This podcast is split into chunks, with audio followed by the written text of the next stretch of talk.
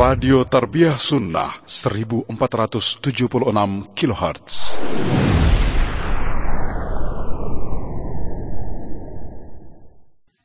الحمد لله الذي أنزل السكينة في قلوب المؤمنين ليزدادوا إيمانا مع إيمانهم ولله جنود السماوات والأرض وكان الله عليما حكيما. وأشهد أن لا إله إلا الله وحده لا شريك له إقرارا به وتوحيدا.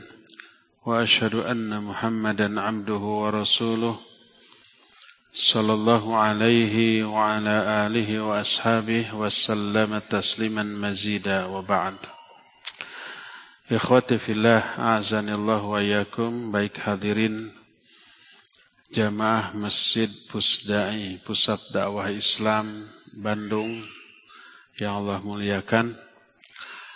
Para pendengar radio Roja Cilengsi, Roja Lampung, Roja Palembang, Roja Pontianak, Tanjung Pinang, Berau, Surabaya, dan roja-roja di kota lain pendengar radio Al-Bayan di Cianjur, pendengar radio Tarbiyah Sunnah di Bandung, radio dan TV RBK di Kebumen, radio Satu Lombok, radio Amuba di Pangkal Pinang, radio Hidayah di Pekanbaru, pemirsa Roja TV di mana saja Anda berada, pemirsa Asil TV di Pekanbaru, Surau TV di Padang, dan Ahsan TV di mana saja Anda berada, juga para netizen melalui streaming Instagram, Facebook, YouTube atau media sosial lain lewat akun mana pun di mana pun Anda berada. Alhamdulillah kita kembali berjumpa melanjutkan kajian Tauhid. Kita sudah selesai membahas rukun iman yang pertama yaitu iman kepada Allah Azza wa Jalla mencakup iman kepada rububiyah Allah. Sekarang kita masuki rukun iman dua al-imanu bil malaikah. Iman kepada para malaikat. Iman kepada para malaikat termasuk salah satu di antara rukun iman yang enam.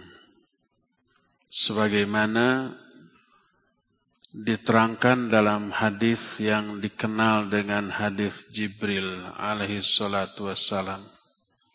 Jibril datang dalam bentuk seorang manusia.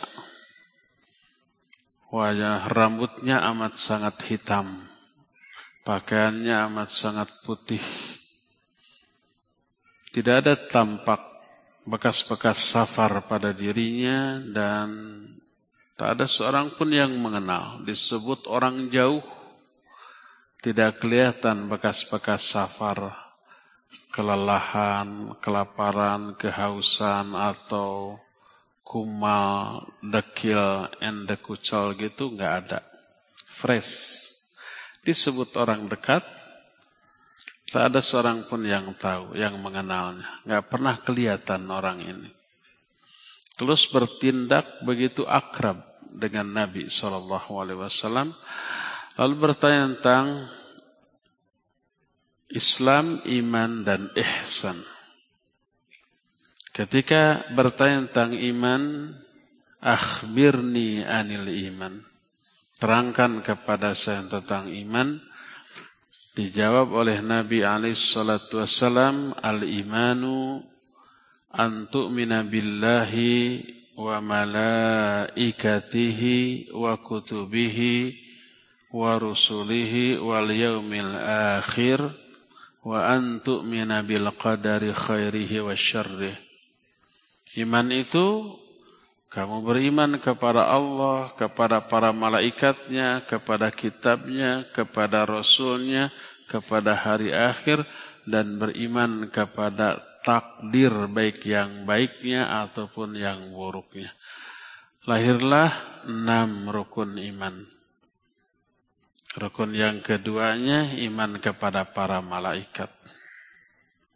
Tak sah keimanan seseorang tanpa mengimani adanya para malaikat.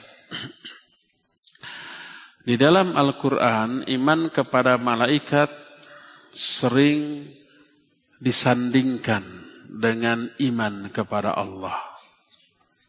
Dan selalu urutannya atau sering kali urutannya nomor dua. Sebagaimana dalam Al-Baqarah ayat 285 Allah berfirman, Kullun amana billahi wa malaikatihi wa kutubihi wa. Semua para rasul dan orang beriman beriman kepada Allah dan kepada para malaikatnya. Juga Al-Baqarah 177. Laisal birra an tuwallu wujuhakum birra man amana billahi wal yaumil akhir wal malaikati wal kitabi wan nabiyyin. Kebaikan itu bukanlah engkau menghadapkan wajahmu ke barat atau ke timur. Tapi kebaikan atau albir itu kamu beriman kepada Allah, kepada hari akhir dan beriman kepada para malaikat, kepada kitab dan kepada para nabi. Dan banyak lagi ayat lain yang menyandingkan iman kepada Allah dengan iman kepada para malaikat. Adapun iman kepada para malaikat mencakup beberapa poin. Untuk di Bandung ya, jamaah di Bandung insya Allah khusus kita akan membahas kitab yang khusus membahas tentang para malaikat mengambara ke alam para malaikat yang mulia hari Selasa pagi ya. Setelah selesai fiqih Asmaul Husna insyaallah. Sekarang sepintas dulu. Iman kepada malaikat mencakup beberapa poin. Pertama, al-imanu biwujudihim beriman kepada keberadaan mereka. Mereka itu ada walaupun tidak terlihat, tidak terjangkau oleh panca indera kita. Tidak terlihat oleh mata, tidak terdengar oleh telinga, tidak teraba oleh tangan kita. Tak ada seorang pun di antara kita yang pernah melihat sosok malaikat tapi wajib diyakini keberadaannya karena diterangkan dalam Al-Quran, dijelaskan dalam banyak hadis yang sahih. Dan beriman kepada para malaikat termasuk di antara beriman kepada hal yang gaib. Dan ini termasuk salah satu di antara ciri orang bertakwa. Alladzina yu'minuna bil bil ghaib. Orang bertakwa adalah orang yang beriman kepada hal-hal yang gaib. Yang gaib itu rukun iman, termasuk beriman kepada adanya malaikat. Jadi wajib kita meyakini bahwa mereka ada.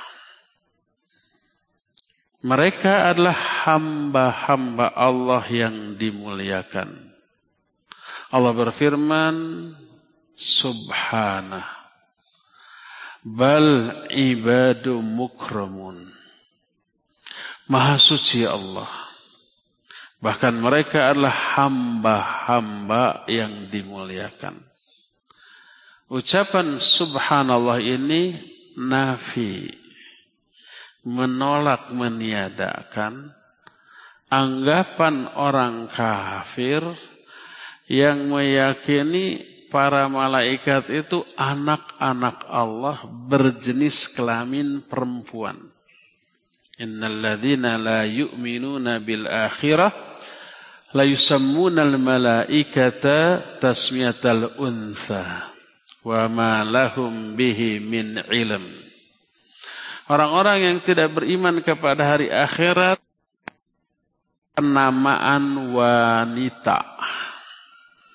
Wanita jenis kelaminnya, gendernya wanita dan dianggap anak-anak Allah.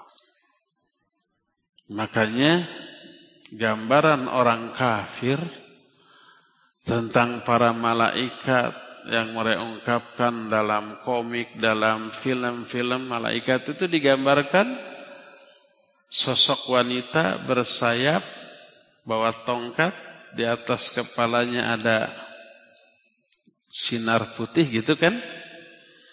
Dari dulu itu oleh Allah dibantah subhanah. Maha suci Allah dari hal itu. Bal ibadum mukramun. Yang sebenarnya para malaikat itu hamba-hamba Allah yang dimuliakan.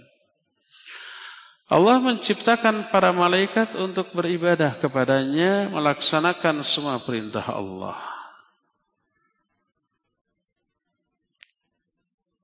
Kedua, Iman kepada malaikat mencakup beriman kepada asnaf mereka. Asnaf itu kelompok. Nanti akan kita sebutkan beberapa kelompok malaikat berdasarkan tugas atau amal yang mereka lakukan.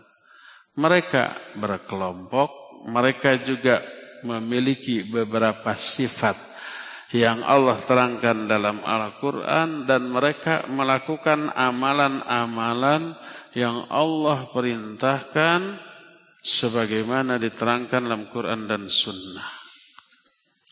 Juga beriman kepada keutamaan mereka dan kedudukan mereka di sisi Allah Azza wa Jalla. Dalam hadis sahih riwayat Imam Muslim, Allah menceritakan para malaikat diciptakan dari cahaya. Khuliqatil malaikatu min nur. Para malaikat diciptakan dari cahaya. Apanya? Fisiknya, badannya, raganya. Para jin diciptakan dari api. Wa khuliqa Adam mimma wusifalakum. Dan Adam diciptakan dari apa-apa yang telah diterangkan kepada kalian. Kita diciptakannya dari tanah. Jelek kayak begini. Jin diciptakan dari api. Malaikat diciptakan dari apa? Cahaya. Itu fisiknya. Lahiriahnya. Adapun ruhnya Allah dan Rasulnya tidak menjelaskan dari bahan apa ruh ini diciptakan. Baik ruh manusia, ruh binatang, ruh para jin termasuk ruh malaikat. Malaikat makhluk yang punya ruh dan punya jasad. Dan suatu saat terpisah ruh dari jasadnya lalu mereka mengalami kematian. Ketika ditiup sangkakala mati seluruh malaikat kecuali beberapa makhluk yang Allah kehendaki untuk tidak mati. Wa nufikha fissur fasa'iqa man fis samawati wa man fil ard illa man Allah. Ditiuplah sangkakala. Maka binasalah semua makhluk yang ada di langit. Siapa? Para malaikat dan makhluk yang ada di bumi. Siapa? Malaikat yang ada di bumi termasuk manusia, jin, binatang, semua makhluk binasa. Illa man Allah. Kecuali beberapa makhluk yang Allah kehendaki. Jadi malaikat pun ada matinya. Terpisah ruhnya dari jasadnya. Kelirulah orang yang meyakini bahwa malaikat itu hanya ruh tanpa jasad. Karena keliru dalam memahami bahwa malaikat Jibril disebut dengan sebutan ruh. Tanazzalul malaikatu warruhu fiha. Turunlah para malaikat. Dan ruh di malam Lailatul Qadar itu. Ruh di sana maknanya malaikat Jibril alaihi salatu wassalam. Malaikat Jibril disebut ar-ruh bukan karena dia hanya ruh tanpa jasad, bukan. Tapi dia adalah hamilur ruh. Pembawa ruh. Dan ar-ruh yang dimaksud di sana Al-Qur'an, wahyu. Al-Quran memiliki banyak sebutan. Syifa, Al-Furqan, Nur, Dzikr termasuk ruh. Sebagaimana firman Allah, "Wa kadzalika auhayna ilaika ruhan min amrina." Demikianlah kami wahyukan kepada engkau hai hey Muhammad ruh atas perintah kami. Allah mewahyukan ruh kepada Nabi Muhammad sallallahu alaihi wasallam. Yang dimaksud ruh di sini Al-Quran. Karena salah satu fungsi Al-Quran sama dengan fungsi ruh. Yaitu menghidupkan hati yang sudah mati. Hati yang kafir, musyrik, tidak mengenal Allah, tidak mengenal kebaikan. Mati sudah. Maka begitu menerima dan mengimani Al-Quran. Maka hidup kembalilah hati tersebut. Seperti hati para sahabat yang tadinya musyrik, penyembah berhala, tunggul dirurut, satang dirumpak, segara dilabrak, mereka mabuk, mereka berjudi, mereka makan riba, mereka berzina, mereka semua larangan, semua keburukan dilakukan termasuk menyembah berhala. Mati hatinya. Datang Al-Quran, mereka menerima, Al-Quran masuk ke dalam jiwa mereka, maka hidup kembalilah jiwa itu. Makanya Al-Quran disebut ruh. Pembawa ruh, pembawa wahyu adalah malaikat Jibril. Maka beliau disebut dengan sebut ar-ruh. Mananya hamilur ruh, pembawa ruh. Pembawa wahyu dari Allah kepada Nabi SAW. Bukan berarti malaikat Jibril hanya ruh tanpa jasad. Tapi disebut ruh karena beliau membawa ruh dengan makna wahyu. Jadi malaikat diciptakan dari cahaya. Apanya? Raganya, fisiknya. Di antara keutamaan para malaikat dan tingginya kedudukan mereka di hadapan Allah diterangkan oleh beberapa ayat Al-Quran. Pertama, Allah mengidafatkan para malaikat kepada Allah. Mengidafatkan itu menyandarkan disebut idhafatut tashrif. Penyandaran dalam rangka untuk memuliakan. Seperti Baitullah. Ka'bah atau rumah Allah baik Ka'bah ataupun masjid. Seperti kitabullah. Seperti Rasulullah. Kitab, Rasul, bait, disandarkan kepada lafaz Allah dalam rangka memuliakan hal itu. Demikian juga malaikat disandarkan kepada Allah dalam banyak ayat yang menunjukkan kemuliaan malaikat di sisi Allah. Allah berfirman, "Innallaha wa malaikatahu yusalluna 'alan nabi."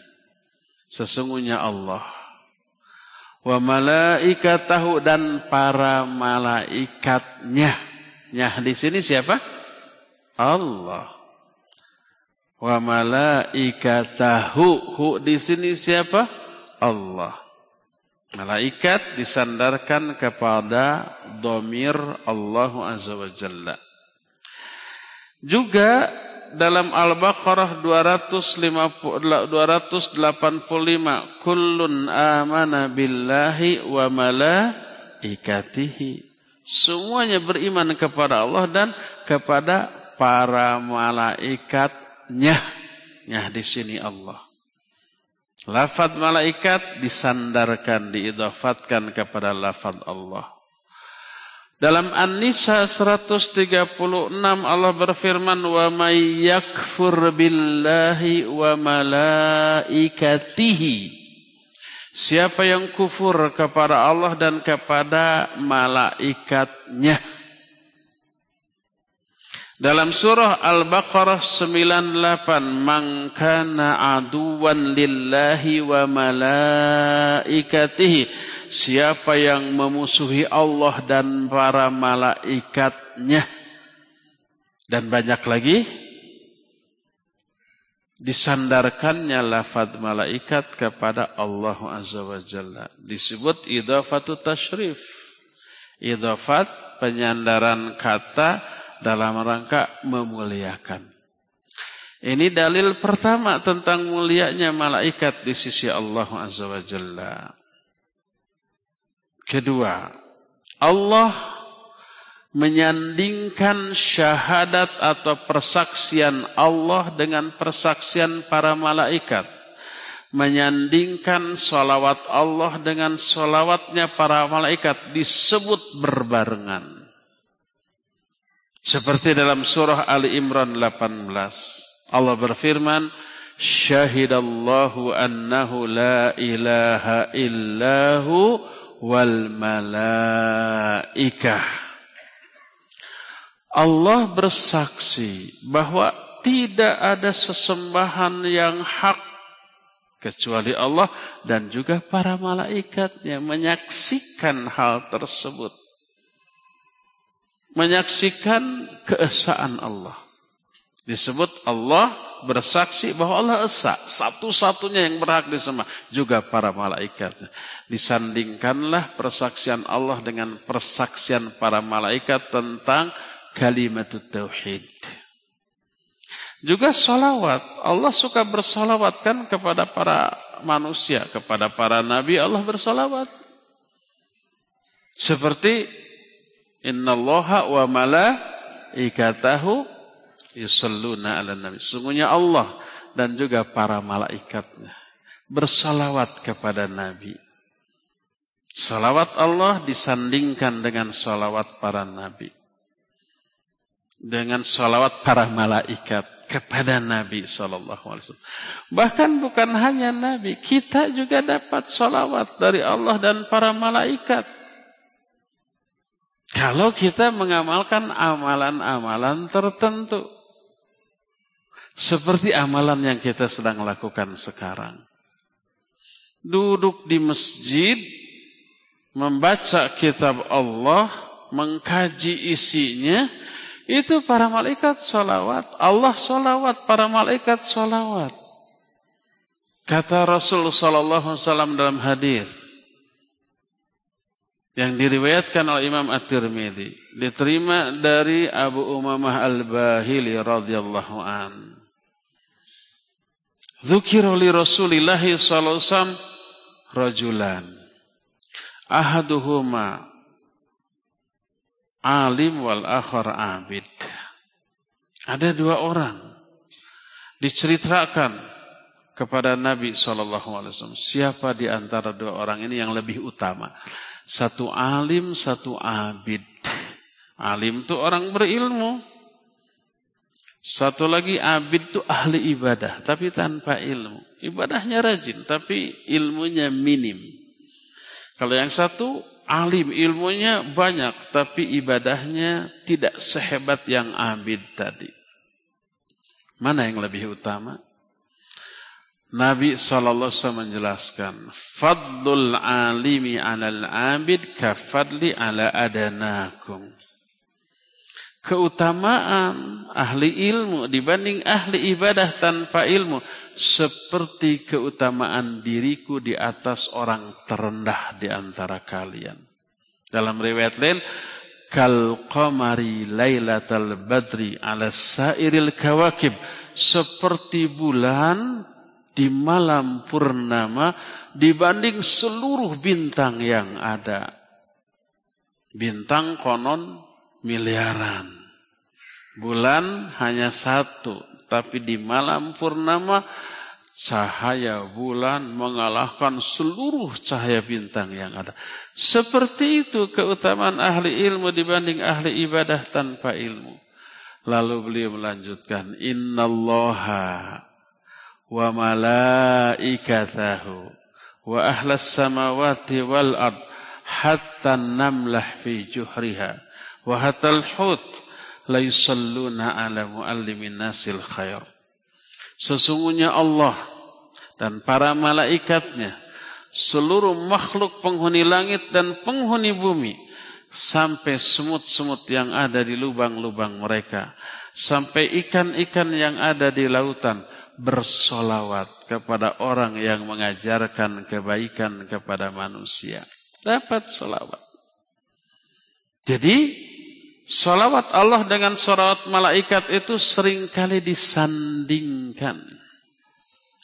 Inna Allah wa malaikatahu yusalluna ala sufufil ula. Dalam riwayat lain ala sufufil mutaqaddimah. Allah dan para malaikatnya bersolawat kepada orang yang berada di sof yang paling depan ketika sholat. Inna Allah wa malaikatu yusalluna alal mutasahirin. Allah dan para malaikatnya bersalawat kepada orang-orang yang makan sahur. Banyak selain Nabi alaih salatu wassalam, kita pun bisa meraih salawat Allah dan para malaikat. Disandingkan salawat Allah dengan salawat malaikat. Adapun makna salawat Allah adalah berkata Imam Abu Aliyah rahimahullah Salatullahi ala amdih. Thana'uhu alaihi indal malaikah. Salawat Allah kepada hambanya adalah pujian Allah, sanjungan Allah kepada hamba itu di hadapan para malaikat dipuji oleh Allah. Itu salawat Allah. Adapun salawat para malaikat, istighfar mereka, tarahum mereka, bagi orang-orang yang diberi salawat. Seperti kita lagi ngaji, dapat salawat malaikat. Selama ngaji, para malaikat berdoa. Allahumma gfir lahum, Allahumma arhamhum. Ya Allah, ampuni mereka. Ya Allah, rahmati mereka. Gitu terus tuh. Selama ngaji, makin lama ngajinya, Makin banyak doa malaikat untuk kita. Dimintakan ampunan, dimintakan rahmat. Ini salah satu penyebab kenapa menghadiri majelis kajian seperti ini menggugurkan dosa.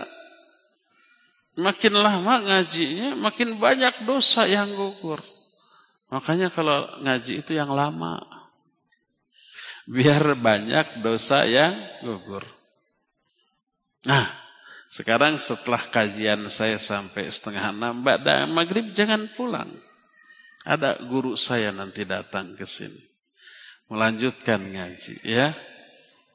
Beliau Ustaz Abdullah Zain. Jangan lihat usia, usianya lebih muda dari saya. Ilmunya, pengalamannya jauh di atas saya. Datang. Malaikat memintakan ampunan, memintakan rahmat ke, saya, ke, ke kita semuanya. Memintanya kepada Allah untuk kita semua. Itulah salawatnya para malaikat. Sudah jadi salawat Allah selalu disandingkan dengan salawat malaikat yang menunjukkan mulianya kedudukan para malaikat di sisi Allah Azza wa. Ini dalil kedua tentang mulianya malaikat di sisi Allah. Dalil ketiga, Allah yang mensifati malaikat dengan sifat kiram atau karam. Sebagaimana firman Allah dalam beberapa ayat. Surah Abasa ayat 15 dan 16 Allah menyatakan bi aidi safarah kiramim bararah. Bi aidi safarah. Salah satu sebutan bagi malaikat adalah safarah. Bi aidi safarah. Catatan itu ada di tangan safarah. Maksud safarah di sini malaikat. Makna safarah adalah Nah, duta besar, safarah, kedutaan itu safar. Duta besar safir. Apa makna duta? Duta itu perantara. Duta besar kita di negara ini perantara antara negara kita dengan negara yang di tempat tersebut. Para malaikat safar, duta, penengah atau yang menyampaikan penengah antara Allah dengan kita, dengan manusia. Biaidi safar. Catatan itu berada di tangan safar, para malaikat. Kiramim barorah. Yang maha mulia, sangat mulia, dan baroroh. Maha baik. Malaikat oleh Allah disifati dengan kiram dan baroroh Allah yang mensifati malaikat dengan sifat yang mulia dan baik tersebut. Dalam surah Al-Infitor disebutkan wa inna alaikum lahafidhin kiramang katibin. Sesungguhnya bagi kalian semua ada para malaikat penjaga atau dengan makna lain pencatat Allah menyatakan kiromang katibin. Mereka amat sangat mulia dan selalu mencatat amal-amal manusia. Dalam surah Al-Anbiya yang saya bacakan tadi, bal ibadum mukramun. Bahkan para malaikat, malaikat itu hamba-hamba yang dimuliakan. Oleh karena itulah pujian Allah Azza wa Jalla kepada para malaikat dengan diberinya sifat-sifat yang baik. Kiram baroro menunjukkan mulianya para malaikat di sisi Allah Azza wa Jalla. Ibadu mukramun, hamba-hamba yang dimuliakan. Siapa yang memuliakannya? Allah Azza wa Jalla yang memuliakan mereka. Ini dalil ketiga. Keempat, Mulianya para malaikat bisa dilihat dari dari segi zat, posisi, kedudukan para malaikat berada di tempat yang sangat dan paling dekat dengan Allah dibanding makhluk hidup lainnya. Kenapa? Pertama, para malaikat ada yang memikul arsh dan Allah istiwa di atas ars. Berarti malaikat pemikul ars posisinya dekat dengan Allah. Mungkin bahasa kitanya ring satu. Di sekitar ars ada lagi para malaikat yang lain. Yang jumlahnya tidak terhitung. Imam Al-Qurtubi rahimahullah dalam kitab At-Tadhkirah menyebut para malaikat yang ada di sekitar ars itu dengan malaikat karubiyun karena dekatnya mereka dengan Allah Azza wa Jalla. Allah berfirman di dalam Al-Qur'anul Karim kata Allah alladzina yahmilun yahmiluna al-arsya wa man haulahu para malaikat yang memikul aras dan para malaikat yang ada di sekitar aras. Mereka bertasbih selalu memuji Allah Azza wa Jalla. Dalam surah Az-Zumar 75 Allah berfirman, "Wa taral malaikata hafina min haulil aras." Engkau lihat para malaikat berkerumun di sekeliling aras. Jadi secara jarak dan posisi mereka amat sangat dekat dengan Allah Azza wa Jalla. Dan ini menunjukkan kemuliaan mereka sampai mereka disebut sebagai makhluk yang didekatkan yashhaduhul muqarrabun kata Allah Azza wa Jalla yashhaduhul muqarrabun dalam surah Al-Mutaffifin dia disaksikan oleh para malaikat yang dekat dengan Allah Azza wa Jalla tempatnya di tempat yang paling tinggi kita tahu tidak ada makhluk hidup selain para malaikat yang menempati tempat yang paling tinggi. Tidak jin, apalagi manusia. Makanya mereka disebut dengan al-mala'ul a'la. Al-mala' artinya kelompok atau golongan. Al-a'la yang menempati tempat tertinggi. Mereka adalah para malaikat. Sebagaimana firman Allah dalam surah As-Saffat ayat yang ke-8, la yasma'una ilal mala'il a'la. Para jin itu tidak bisa mencuri dengar kepada al-mala'ul a'la. Maksudnya para malaikat yang menempati tempat-tempat yang tertinggi. Karena mereka dekat dengan Allah Azza wa Jalla. Mereka memikul arash dan ketika memikul aras mereka sambil bertasbih. Dan malaikat yang ada di sekitar aras itu sujud kepada Allah Azza wa Jalla. Allah berfirman dalam Al-Quran surah Al-A'raf 206. Innal ladhina inda rabbika la yastakbiruna an ibadatih. Wisabbihunahu walahu yasjudun.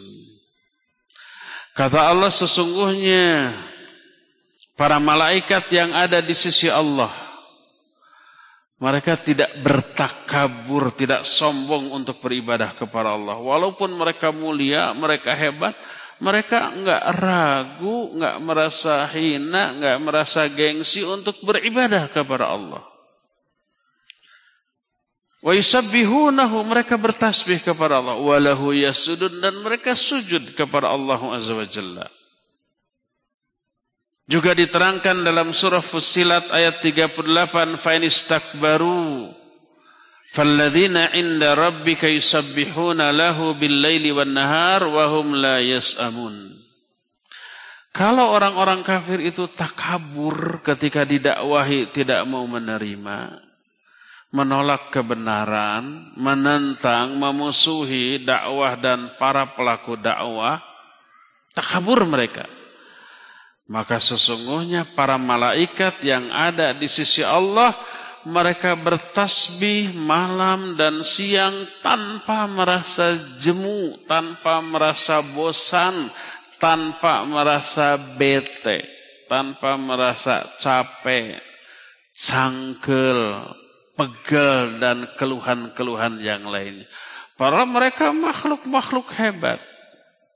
Para malaikat makhluk yang luar biasa hebat. Punya sayap yang memungkinkan mereka bisa terbang. Punya kekuatan yang dahsyat luar biasa. Dekat hubungannya dengan Allah. Dimuliakan oleh Allah. Tapi mereka tidak sombong, tidak takabur untuk beribadah kepada Allah. Ini manusia-manusia lemah. Manusia yang kecil dan hina. Takabur dari ibadah kepada Allah. Dan banyak lagi dalil-dalil lain yang menunjukkan mereka para malaikat tersebut adalah manusia-manusia makhluk-makhluk yang mulia di sisi Allah Azza wa Jalla. Ya. Tapi beberapa dalil tadi cukup untuk menjelaskan mulianya dan tingginya kedudukan mereka di sisi Allah. Dilihat dari segi amalan, kegiatan, perbuatan, aktivitas yang dilakukan oleh para malaikat, malaikat terbagi kepada beberapa kelompok, beberapa golongan. Kelompok ini bukan berarti geng-gengan, geb-geban, enggak. Tapi kelompok itu diklasifikasi berdasarkan tugas yang Allah berikan kepada mereka. kegiatan atau amalan yang mereka lakukan. Pertama ada kelompok malaikat pemikul arsh.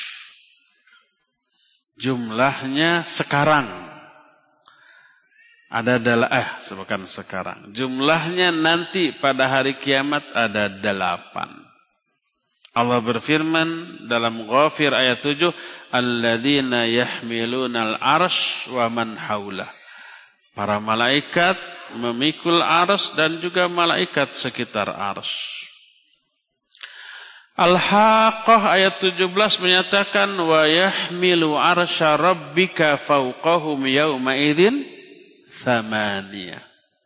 Di hari kiamat ada malaikat yang memikul ars berjumlah delapan pada hari kiamat. Karena Langit dan bumi berguncang, hancur. Ditiupnya sangkakala oleh malaikat yang ditugaskan untuk itu. Maka arash Allah dipikul oleh delapan malaikat. Kalau para ulama ahli tafsir berbeda pendapat. Apakah delapan malaikat itu delapan personal malaikat? atau delapan kelompok malaikat yang satu kelompoknya mungkin banyak ikhtilaf di kalangan para ulama. Itu pada hari kiamat. Adapun sekarang sebelum kiamat terjadi tidak ada keterangan baik dalam ayat atau hadis yang sahih berapa malaikat yang memikul arus sekarang. Cuma ada hadis bahwa sekarang arus Allah dipikul oleh empat malaikat. Satu berupa orang. Satu lagi berupa singa yang besar. Satu lagi berupa unta yang besar. Dan satu lagi berupa burung yang besar. Tapi hadis ini dhaif. Karena dhaif dan ini menyangkut perkara yang gaib, para ulama, sebagian ulama menolak kehujahan hadis ini untuk masalah akidah karena dhaifnya. Tapi yang jelas nanti pada hari kiamat malaikat dipikul oleh delapan malaikat dijelaskan dalam ayat wa yahmilu arsya rabbika fawqahum yauma idzin thamaniyah. Pada hari itu, hari kiamat, aras Allah dipikul oleh delapan malaikat. Jadi ini kelompok pertama, kelompok pemikul aras. Kedua, ada malaikat mukarrabun. Beda dengan pemikul aras. Mereka itu malaikat yang amat sangat dekat dengan Allah Azza wa Jalla.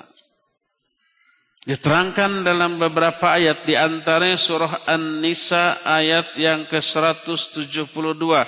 La yastankifal masihu ayyakuna 'abdan lillah walal malaikatul muqarrabun. Kata Allah, Isa Al-Masih Isa bin Maryam tidak enggan tidak menolak, tidak gengsi, tidak malu untuk menjadi hamba bagi Allah. Demikian juga para malaikat muqarrabun. Para malaikat yang dekat, didekatkan kepada Allah. Mereka amat mulia, amat tinggi, amat sangat terhormat, tapi tidak gengsi, tidak enggan untuk beribadah kepada Allah. Ini manusia yang hina, yang kecil, yang lemah, banyak yang enggan dalam melakukan ibadah kepada Allah. Ada lagi malaikat yang berjaga di surga dan berjaga di neraka, mengadab para penghuni neraka. Di antara mereka disebut dengan sebutan malaikat Zabaniyah seperti yang diterangkan dalam surah Al-A'la ayat yang terakhir dan pimpinan kelompok malaikat di neraka ada 19. Tapi pemimpin seluruh malaikat yang ada di neraka satu. Satu, yaitu malaikat Malik. Kalau malaikat Malik oleh Allah namanya disebut dalam Al-Quran. Seperti yang ter tercantum dalam surah Az-Zukhruf ayat 77. Wa nadau ya Malik liyaqdi alaina rabbuk. Berserulah para ahli neraka. Hei Malik. Malik itu malaikat penjaga neraka, pimpinannya. Hei Malik, liyak di alaina rabbuk. Hendaklah Rabbmu Allah Azza wa Jalla mematikan kami saja daripada disiksa kayak begini mending mending mati kalau mati nggak ngerasa apa-apa. Jadi memohon waktu di dunia mah mereka itu tidak berharap mati. Tapi di akhirat di neraka meminta kematian. Karena saking tidak tahannya dengan siksa. Berseru kepada malaikat pemimpin penjaga neraka. Ya Malik di alaina rabbuk. Hai Malik hendaklah Rabbmu mematikan kami saja. Adapun malaikat penjaga surga namanya tidak diterangkan di dalam Al-Quran atau di dalam hadis yang sahih. Makanya sebagian ulama ahlus sunnah menolak adanya malaikat yang namanya malaikat Ridwan sebagai penjaga surga. Karena nggak ada nas Al-Quran atau hadis yang sahih Terus dari mana itu adanya muncul malaikat Ridwan, nama malaikat Ridwan sebagai penjaga surga dari hadis. Tapi hadis ini dhaif. Diriwayatkan oleh Imam Ibnu Jarir At-Tabari dalam kitab tafsirnya bahwa malaikat penjaga surga namanya adalah malaikat Ridwan. Maka sebagian ulama ahlus sunnah ada yang menetapkan Ridwan sebagai malaikat penjaga surga. Termasuk al-imam Ibnu Kathir rahimahullah menukil riwayat itu dalam kitab tafsir dari Imam Ibnu Jarir al-Tabari. Muncullah nama itu. Sebagian ulama lagi tidak. Karena ini masalah akidah dan masalah akidah tidak boleh didasarkan kepada hadis dhaif. Tapi yang jelas ada malaikat penjaga surga. Seperti malaikat peniup sangkakala. Al-Quran menjelaskan ada malaikat peniup sangkakala.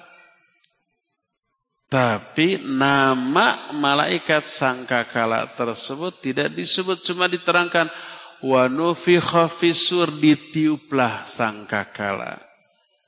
Tapi siapa yang meniupnya Al-Quran tidak menerangkan. Hadis juga yang sahih tidak menjelaskan. Kita kan selama ini mengetahui siapa malaikat yang meniup sangkakala? Malaikat Israfil. Malaikat Israfil namanya tidak disebut dalam Al-Quran. Tapi disebut dalam hadis sahih.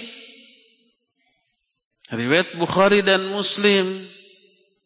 Nabi SAW kalau salat malam beliau membaca doa iftitah. Allahumma rabba Jibrila wa Mikaila wa Israfila. Fatir samawati wal ard. Alimal ghaibi wa syahadah anta tahkumu baina ibadika fi kanu fi yakhtalifun. Dan seterusnya sampai akhir doa ini ada Allahumma rabba Jibrila wa Mikaila wa Israfila. Ya Allah Rabb Jibril, Mikail dan Israfil. Ada malaikat yang namanya malaikat Israfil. Tapi tidak disebut tugasnya apa ada malaikat peniup sangkakala. Tapi tidak disebut siapa yang meniupnya. Terus kenapa itu bisa nyambung? Bahwa malaikat peniup sangkakala itu malaikat Israfil. Ada hadis juga tapi dhaif lagi sama diriwayat Imam Ibnu Jarir dalam kitab tafsirnya. Sanad hadis ini dhaif. Tapi karena adanya nas hadis walaupun dhaif, sebagian ulama ahlus sunnah menetapkannya bahwa peniup sangkakala adalah malaikat Israfil. Sebagian ulama lain menolak tidak. Bukan Israfil karena nggak ada nas yang menerangkan itu dari hadis yang sahih. Yang taif nggak bisa dijadikan dalil untuk masalah akidah, masalah yang gaib seperti ini. Tapi wajib diyakini ada malaikat peniup sangkakala, wajib diyakini ada malaikat namanya Israfil tapi bukan sebagai peniup sangkakala. Walhasil ikhtilaf di kalangan para ulama. Apakah ulama ahlus sunnah ada khilaf dalam masalah akidah? Ada. Contohnya ini. Tapi ini tidak prinsip. Siapa yang salah, siapa benar tidak terjerumus ke dalam kebidahan atau kesesatan. Enggak sama sekali. Ya. Nah, jadi ada malaikat penjaga surga, ada malaikat penjaga neraka, jumlah malaikat penjaga neraka ada tak terhitung banyaknya tapi pimpinan kelompoknya ada 19 surah Al-Muddathir ayat 30 menyatakan alaiha tis'ata asyar. Di, di neraka itu ada 19 malaikat. Pimpinannya Adapun anggota yang menyiksa di dalam neraka banyak, tak terhitung. Salah satunya diterangkan dalam hadis sahih riwayat Imam Muslim dalam kitab Sahih Muslim. Bahwa di neraka itu yu'ta bi jahannam sab'una zimam. Akan didatangkan nanti di neraka itu tujuh eh, sab'una alfa zimam 70 ribu zimam. Zimam itu rantai. Rantai yang sangat besar. Setiap satu rantai besinya digusur, dipegang oleh 70 ribu malaikat. Satu rantai besinya dipegang oleh 70 ribu malaikat. Rantai besinya aja 70 ribu. Berapa malaikat nungagu gusur rantai hungkul tah? 70 ribu aja kali 70 ribu ya. 7 kali 7, 49. Tambah nolnya berapa? 8. 49 dengan nolnya 8. Berapa tuh? 4 miliar 900 juta malaikat ya. Itu baru yang memegang rantainya saja. Belum yang lain-lainnya. Menunjukkan malaikat yang berjaga, bertugas bekerja di neraka itu amat sangat banyak. Allah berfirman dalam surah Ghafir ayat 49, "Wa qala alladziina fin nari li khazanati jahannam" Ud'u rabbakum yukhaffif anna yawman minal azab. Berkatalah para ahli neraka kepada para malaikat penjaga neraka jahanam. Kata mereka, Ud'u rabbakum. Berdoalah kalian kepada Allah supaya Allah meringankan azab bagi kami sehari saja. Jangan dahsyat-dahsyat amat siksa itu kayak gini. Ringankan bagi kami sebentar saja. Ini menunjukkan adanya malaikat di jahanam yang menyiksa mereka. Dan malaikat yang bekerja, bertugas di jahanam itu tidak berbelas kasihan. Tugasnya itu kan menyiksa. Kalau menyiksa ada rasa belas kasihan, nggak tega itu ya. Disebut dengan sebutan ghilab. Allah berfirman, alaiha malaikatun ghiladun syidad. Ya ayyuhalladzina amanu qu anfusakum wa ahlikum nara wa quduhan nas wal hijar 'alaiha malaikatun ghiladun syidad. Hai orang-orang beriman, jaga diri kalian dan keluarga kalian dari api neraka yang kayu bakarnya terdiri dari manusia dan batu-batu.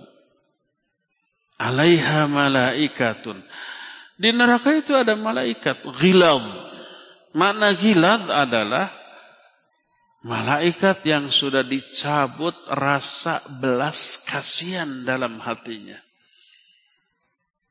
Jadi tidak ada rasa kasihan kepada orang yang disiksanya. Kita jadi korban kejahatan, dicopet, dijamret, ditodong. Itu sakitnya itu nyelekit. Duh itu kalau ada si copet, si penodong gitu ya. Dikesek-kesek gitu. Ternyata dapat. Dipukuli babak belur sampai berdarah-darah. Ada kasihan nggak? Ada. Udah, udah, udah, kasihan, kasihan serahkan ke polisi. Kan gitu ya? Tadinya gemes, tadinya kesel, marah, emosi. Tapi setelah babak belur, kasihan jangan-jangan, jangan diteruskan. Ah, kadang-kadang udah bebaskan saja, udah udah dihukum dengan hajaran masa itu, jangan dikepolisikan. Kadang-kadang begitu. Ada rasa kasihan. Ini malaikat yang bekerja di neraka sudah dicabut rasa belas kasihan. Si Raja Tega. Gilad namanya. ya. Itulah beberapa sifat para malaikat di neraka. Di antara para malaikat ada yang ditugaskan untuk menjaga manusia dari musibah, kecelakaan, keburukan yang tidak ditakdirkan atau belum ditakdirkan menimpa orang itu. Setiap kita ada di depan dan di belakang. Ikhwah sekalian pada hakikatnya kita tidak pernah sendirian. Di mana pun, kapan pun. Kita dikelilingi malaikat. Depan belakang kita ada malaikat penjaga. Kanan kiri kita ada malaikat yang menuliskan amal-amal baik dan buruk kita. Allah berfirman di dalam surah Ar-Ra'd ayat 11, "Lahu mu'aqibatun min baini yadayhi wa min khalfi yahfadzuna min amrillah." Bagi setiap manusia ada malaikat penjaga di depannya dan di belakangnya mereka menjaga manusia itu atas perintah dari Allah Azza wa Jalla. Depan belakang ada malaikat. Makanya jangan khawatir ada keburukan, musibah, kecelakaan yang menimpa kita. Kalau itu tidak Allah takdirkan. Dijaga, diselamatkan oleh malaikat yang memang ditugaskan untuk itu. Tapi ketika takdir Allah sudah ditetapkan untuk kita, malaikat penjaga berlepas diri dari hal itu. Akhirnya kita terkena musibah itu. Ketika menjelaskan ini para ulama menyatakan, ai ma'ahu malaikatun yahfazunahu min baini yadayhi wa min khalfihi fa idza jaa qadarullah takhallau an. Makna ayat ini adalah setiap orang disertai oleh malaikat. Malaikat itu menjaga dia dari depan dan dari belakang. Bila datang takdir Allah kepada dia untuk memperoleh musibah atau keburukan, maka malaikat penjaga itu pun meninggalkannya. Akhirnya kena musibah. Karena memang sudah ditakdirkan oleh Allah Azza wa. Ada lagi kelompok malaikat yang memelihara amal-amal baik dan buruk kita dengan cara dicatatkan. Di, di, di, di kanan disebut dengan sebutan rok, rokib, di, di kiri disebut dengan sebutan atid. Id yatalaqal mutalaqiyani anil yamini wa anil shimali qa'id ma yalfidhu min qawlin illa ladaihi raqibun atid.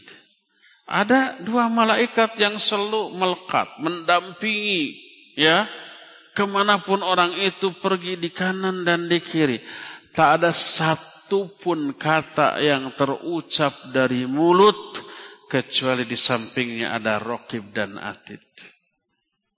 Hati-hati ketika berucap. Ini mencakup niat.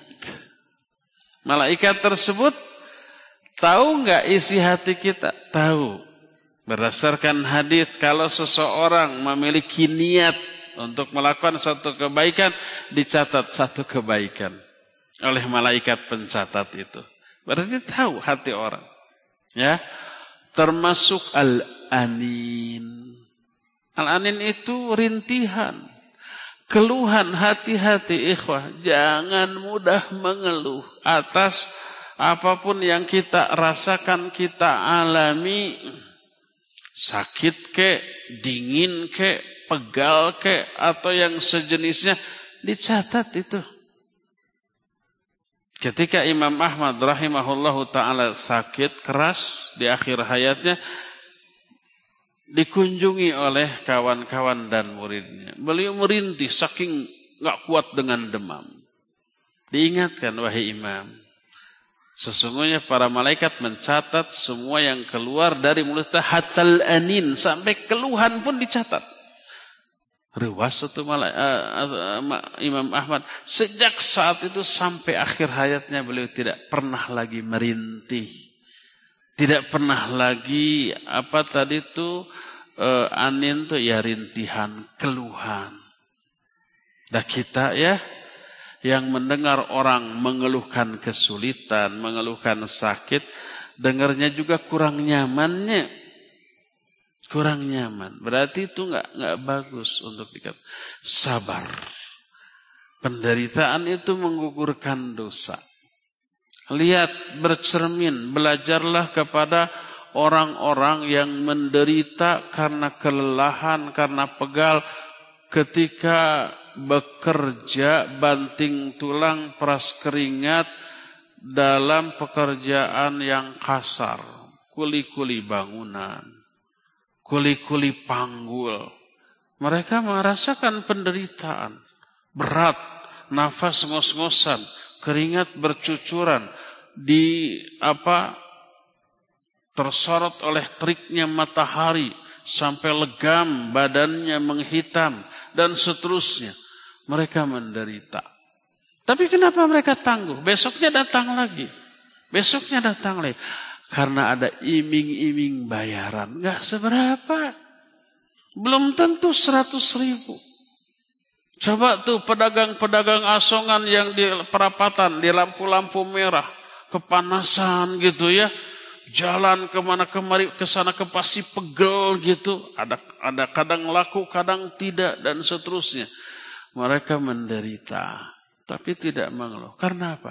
Ada iming-iming uang. Nggak seberapa. Penderitaan kita kontan diberikan apresiasi balasan oleh Allah Azza wa Jalla. Berupa apa? Gugurnya dosa setiap penderitaan apa pun bentuknya, fisik ataupun psikis. Fisik seperti ada badan kita yang sakit. Psikis seperti kita sedih, kita resah, gelisah, kita sakit hati, dihina orang. Semua menggugurkan dosa. Nikmati. Jangan dikeluhkan. Itu semua tercatat. Samping kanan, samping kiri ada malaikat pencatat. Depan belakang ada malaikat penjaga. Belum ada malaikat korin. Ma minkum illa wukila ilaihi qarinu minal jin wa qarinu minal malaikah au kama qala alaihi salatu wasallam. Tak ada seorang pun di antara kamu kecuali diutus kepada dia satu qarin bangsa jin dan qarin bangsa malaikat. Selalu mendampingi. Bayangkan. Belum kalau kita mengamalkan zikir tertentu, wirid tertentu, membaca ayat kursi dalam momen tertentu, Allah utus lagi malaikat menjaga kita. Sekeliling kita malaikat. Yakini itu, bayangkan itu ketika dalam hati kita ada keinginan untuk maksiat ketika nggak ada orang yang mengenal kita. Inilah yang disebut dengan sifat muqarabah. Eh murokobah apa? Murokobah. Murokobah itu merasa selalu di apa? Diawasi Allah mengawasi. Para malaikat tidak pernah lepas dalam pengawasannya kepada kita loh. Dan banyak lagi malaikat lainnya yang ditugaskan oleh Allah untuk tugas-tugas tertentu, ya. Ikhwan iman kepada malaikat ini belum selesai kita bahas tapi sekarang waktunya sudah habis. Kita tinggal memiliki sisa waktu untuk bertanya jawab. Cukup sampai di sini saja dulu. Mohon maaf untuk pertanyaan hari Jumat diperuntukkan khusus bagi pendengar dan pemirsa Radio Roja. Uh, kepada Akhi Fawas di Cilengsi dipersilakan memandu tanya jawab dengan pendengar dan pemirsa. Wassallallahu ala nabiyina Muhammadin wa ala alihi wa ashabihi. Silakan.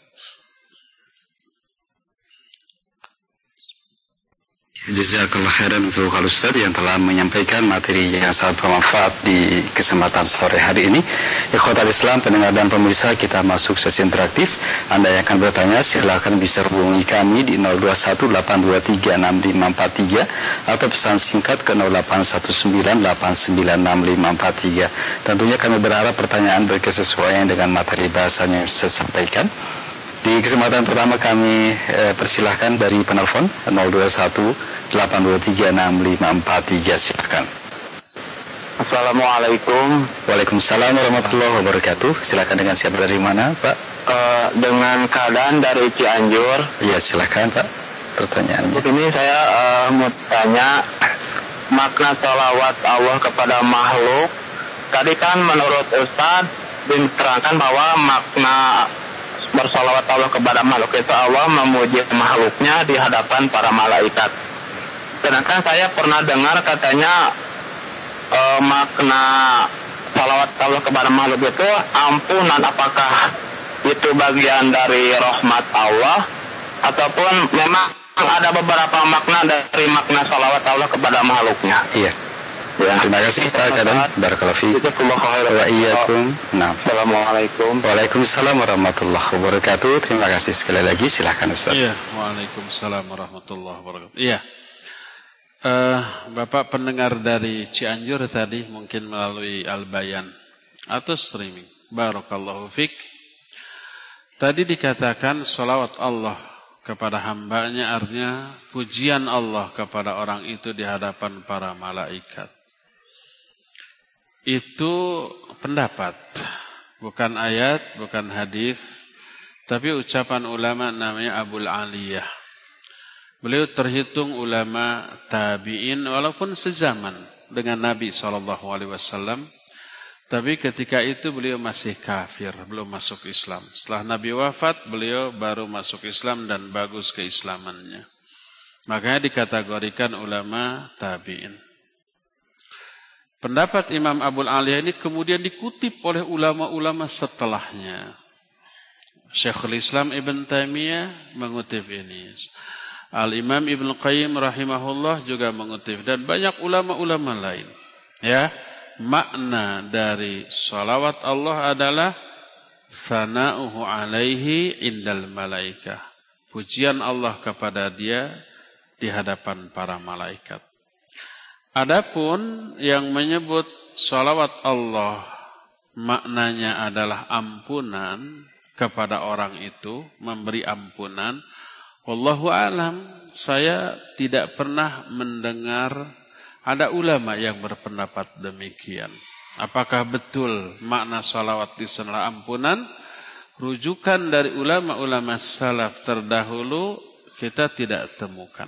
Yang jelas makna salawat Allah kepada hambanya adalah pujian Allah kepada orang itu di hadapan para malaikat. Adapun ampunan, ya Allah berikan kepada orang-orang yang ngaji seperti ini. Ya, ngaji dapat ampunan. Karena apa? Karena ada salawat para malaikat. Makna salawat malaikat adalah permintaan ampunan malaikat kepada Allah bagi orang itu. Malaikat mendoakan, ya Allah ampuni orang ini. Dan dikabul. Karena malaikat yang memintakan ampunan itu tak terhitung. Disebutkan dalam hadis hatta yamla'u bainas samawati wal sampai malaikat yang memenuhi atau yang hadir ke majlis taklim itu memenuhi jarak antara langit sampai ke bumi. Dari bumi sampai ke langit penuh dengan malaikat.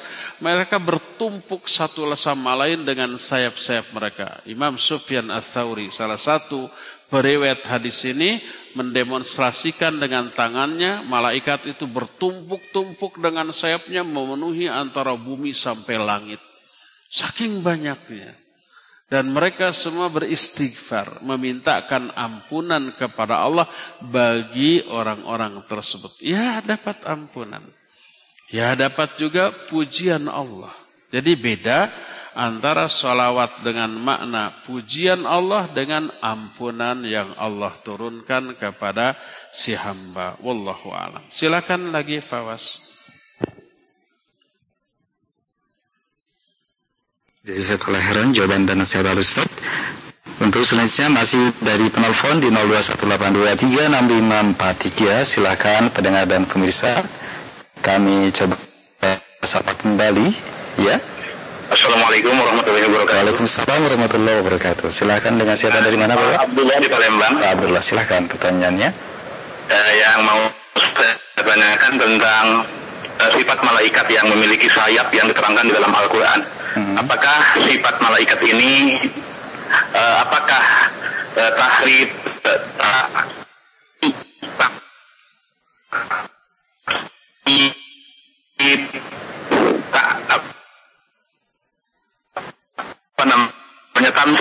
juga berlaku kepada sifat malaikat seperti berlakunya larangan itu kepada sifat sifat Allah wa taala. Ya. Demikian Ustaz. Baik. Terima kasih. Barak. Iya. Taufik. Baik. Iya kan silakan Ustaz. Waalaikumsalam. Pak Abdullah di Palembang ya. Iya, barakallahu fik. Tadi terputus-putus sehingga tidak bisa menangkap secara utuh tapi garis besarnya mudah-mudahan tidak salah faham ya. Salah satu di antara sifat zatiah dari malaikat adalah bersayap. Ya, diterangkan oleh Al-Quran, diterangkan oleh hadis yang sahih. Sayap para malaikat beda-beda. Ada yang dua-dua, ada yang tiga-tiga, ada yang empat-empat. Dan sayap malaikat Jibril berapa? 600 sayap. Allah menerangkan dalam Al-Quran, dalam surah Fatir ayat yang pertama, Ja'ilil malaikati rusula uli ajnihatin mathna wa thulatha wa ruba' Ini bukan ayat ta'adud. Bukan mentang-mentang ada masna, sulasa, ruba ya. Kata Allah, Allah jailil malaikah yang telah menjadikan para malaikat rusulan sebagai para utusan. Uli ajnihatin yang para malaikat itu memiliki sayap-sayap. Masna wa thulatha wa ruba. Ada yang punya dua-dua sayapnya, ada yang tiga-tiga, ada yang empat-empat. Ya. Apakah ini maknanya hakiki? Iya, maknanya hakiki. Betul-betul punya sayap. Secara hakiki. Apa fungsi sayap? Terbang. Para malaikat bisa terbang. Ya. Apakah boleh ditakwil seperti hal atau apa namanya uh, ditakwil kepada makna lain. Saya tadi tidak bisa menangkap pertanyaan karena terputus-putus. Apakah boleh ditakwil atau tidak boleh ditakwil seperti apa namanya mentakwil sifat-sifat Allah Azza wa?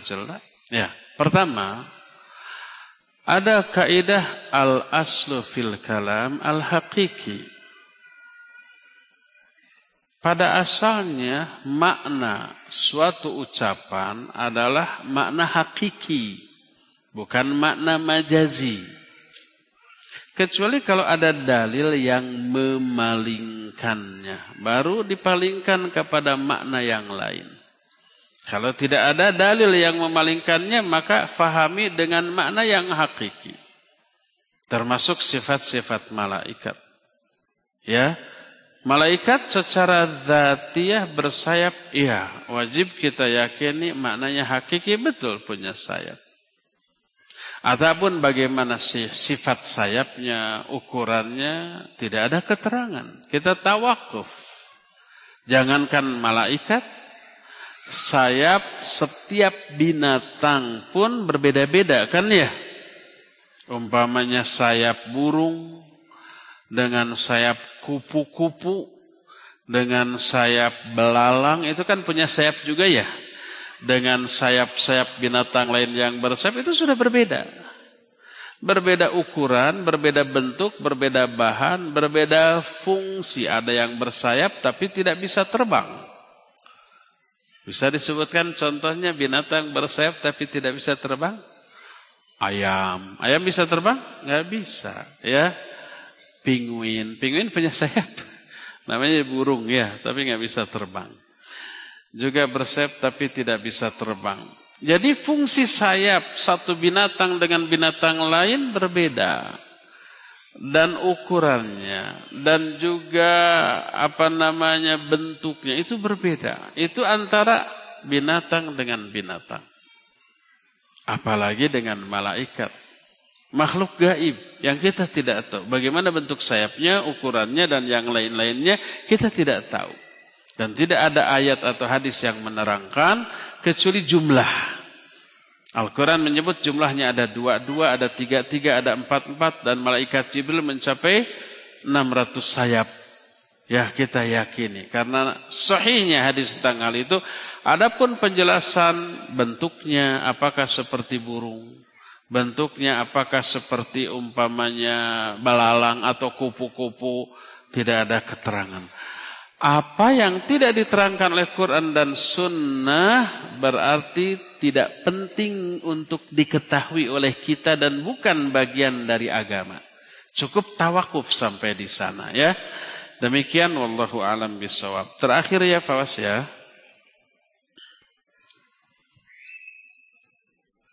Banda nasihat al Ustaz. Selanjutnya dari pesan singkat dari Bapak uh, tidak menyebutkan nama dari Papua Timika. Assalamualaikum warahmatullahi Ustaz di masyarakat kita dikenal ada dengan istilah khodam. Yang jadi pertanyaan apakah itu uh, adalah uh, perwujudan dari malaikat yang uh, membantu kemudian uh, memberikan uh, sifatnya masukan atau hal-hal uh, yang baik kepada kita ataukah uh, dia adalah merupakan jin yang juga memberikan atau yang juga adalah mukallaf sebagaimana kita manusia yang diberikan ujian dan perintah uh, ibadah. Mohon nasihat dan penjelasan dari Al-Ustaz Jazakallah. Ya. Wa jazakallahu khairan bagi Bapak di Papua Timika. Barakallahu fik. Iya, ada istilah khodam. Secara bahasa, mana khodam adalah pelayan. Yang melayani orang. Istilah khodam umumnya ditujukan kepada bangsa jin bagi orang yang dilayani oleh dia, baik dia tukang sihir ataupun dukun ataupun yang sejenisnya termasuk tukang sulap. Disebut khodam karena jin itu melayani kepentingan kebutuhan orang tersebut.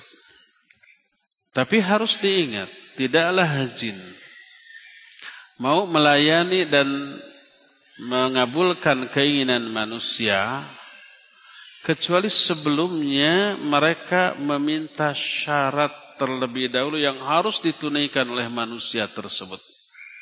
Syaratnya ini menjerumuskan orang itu ke dalam syirik, kufur atau bid'ah bahkan maksiat. Ada yang harus mencuri kain kafan, ada yang harus umpamanya membunuh sekian gadis, itu maksiat. Ada yang sampai menjerumuskan ke kufur dan syirik. Setelah keinginan jin itu dipenuhi, barulah si jin ini mau melayaninya. Karena bersifat melayani disebutlah dengan sebutan khodam. Oleh karena itulah maka khodam yang dikenal itu adalah jin yang biasanya melayani orang berupa dukun atau bukan tukang sihir yang sebelum mereka melayani mereka minta persyaratan yang harus ditunaikan. Makanya terlarang karena mengandung unsur syirik dan kufur. Karena mengandung unsur penyimpangan yang fatal merusak tauhid dan akidah kita, maka tidak boleh ya. Wallahu alam bisawab. Cukup sampai di sini waktu yang kita miliki sudah habis. Insyaallah kita akan jumpa kembali di hari Jumat yang akan datang di waktu yang sama. Subhanakallahu bihamdik asyhadu an la ilaha illa anta astaghfiruka wa atubu ilaik walhamdulillahirabbil alamin. Wassalamualaikum warahmatullahi wabarakatuh. Radio Tarbiyah Sunnah 1476 kHz.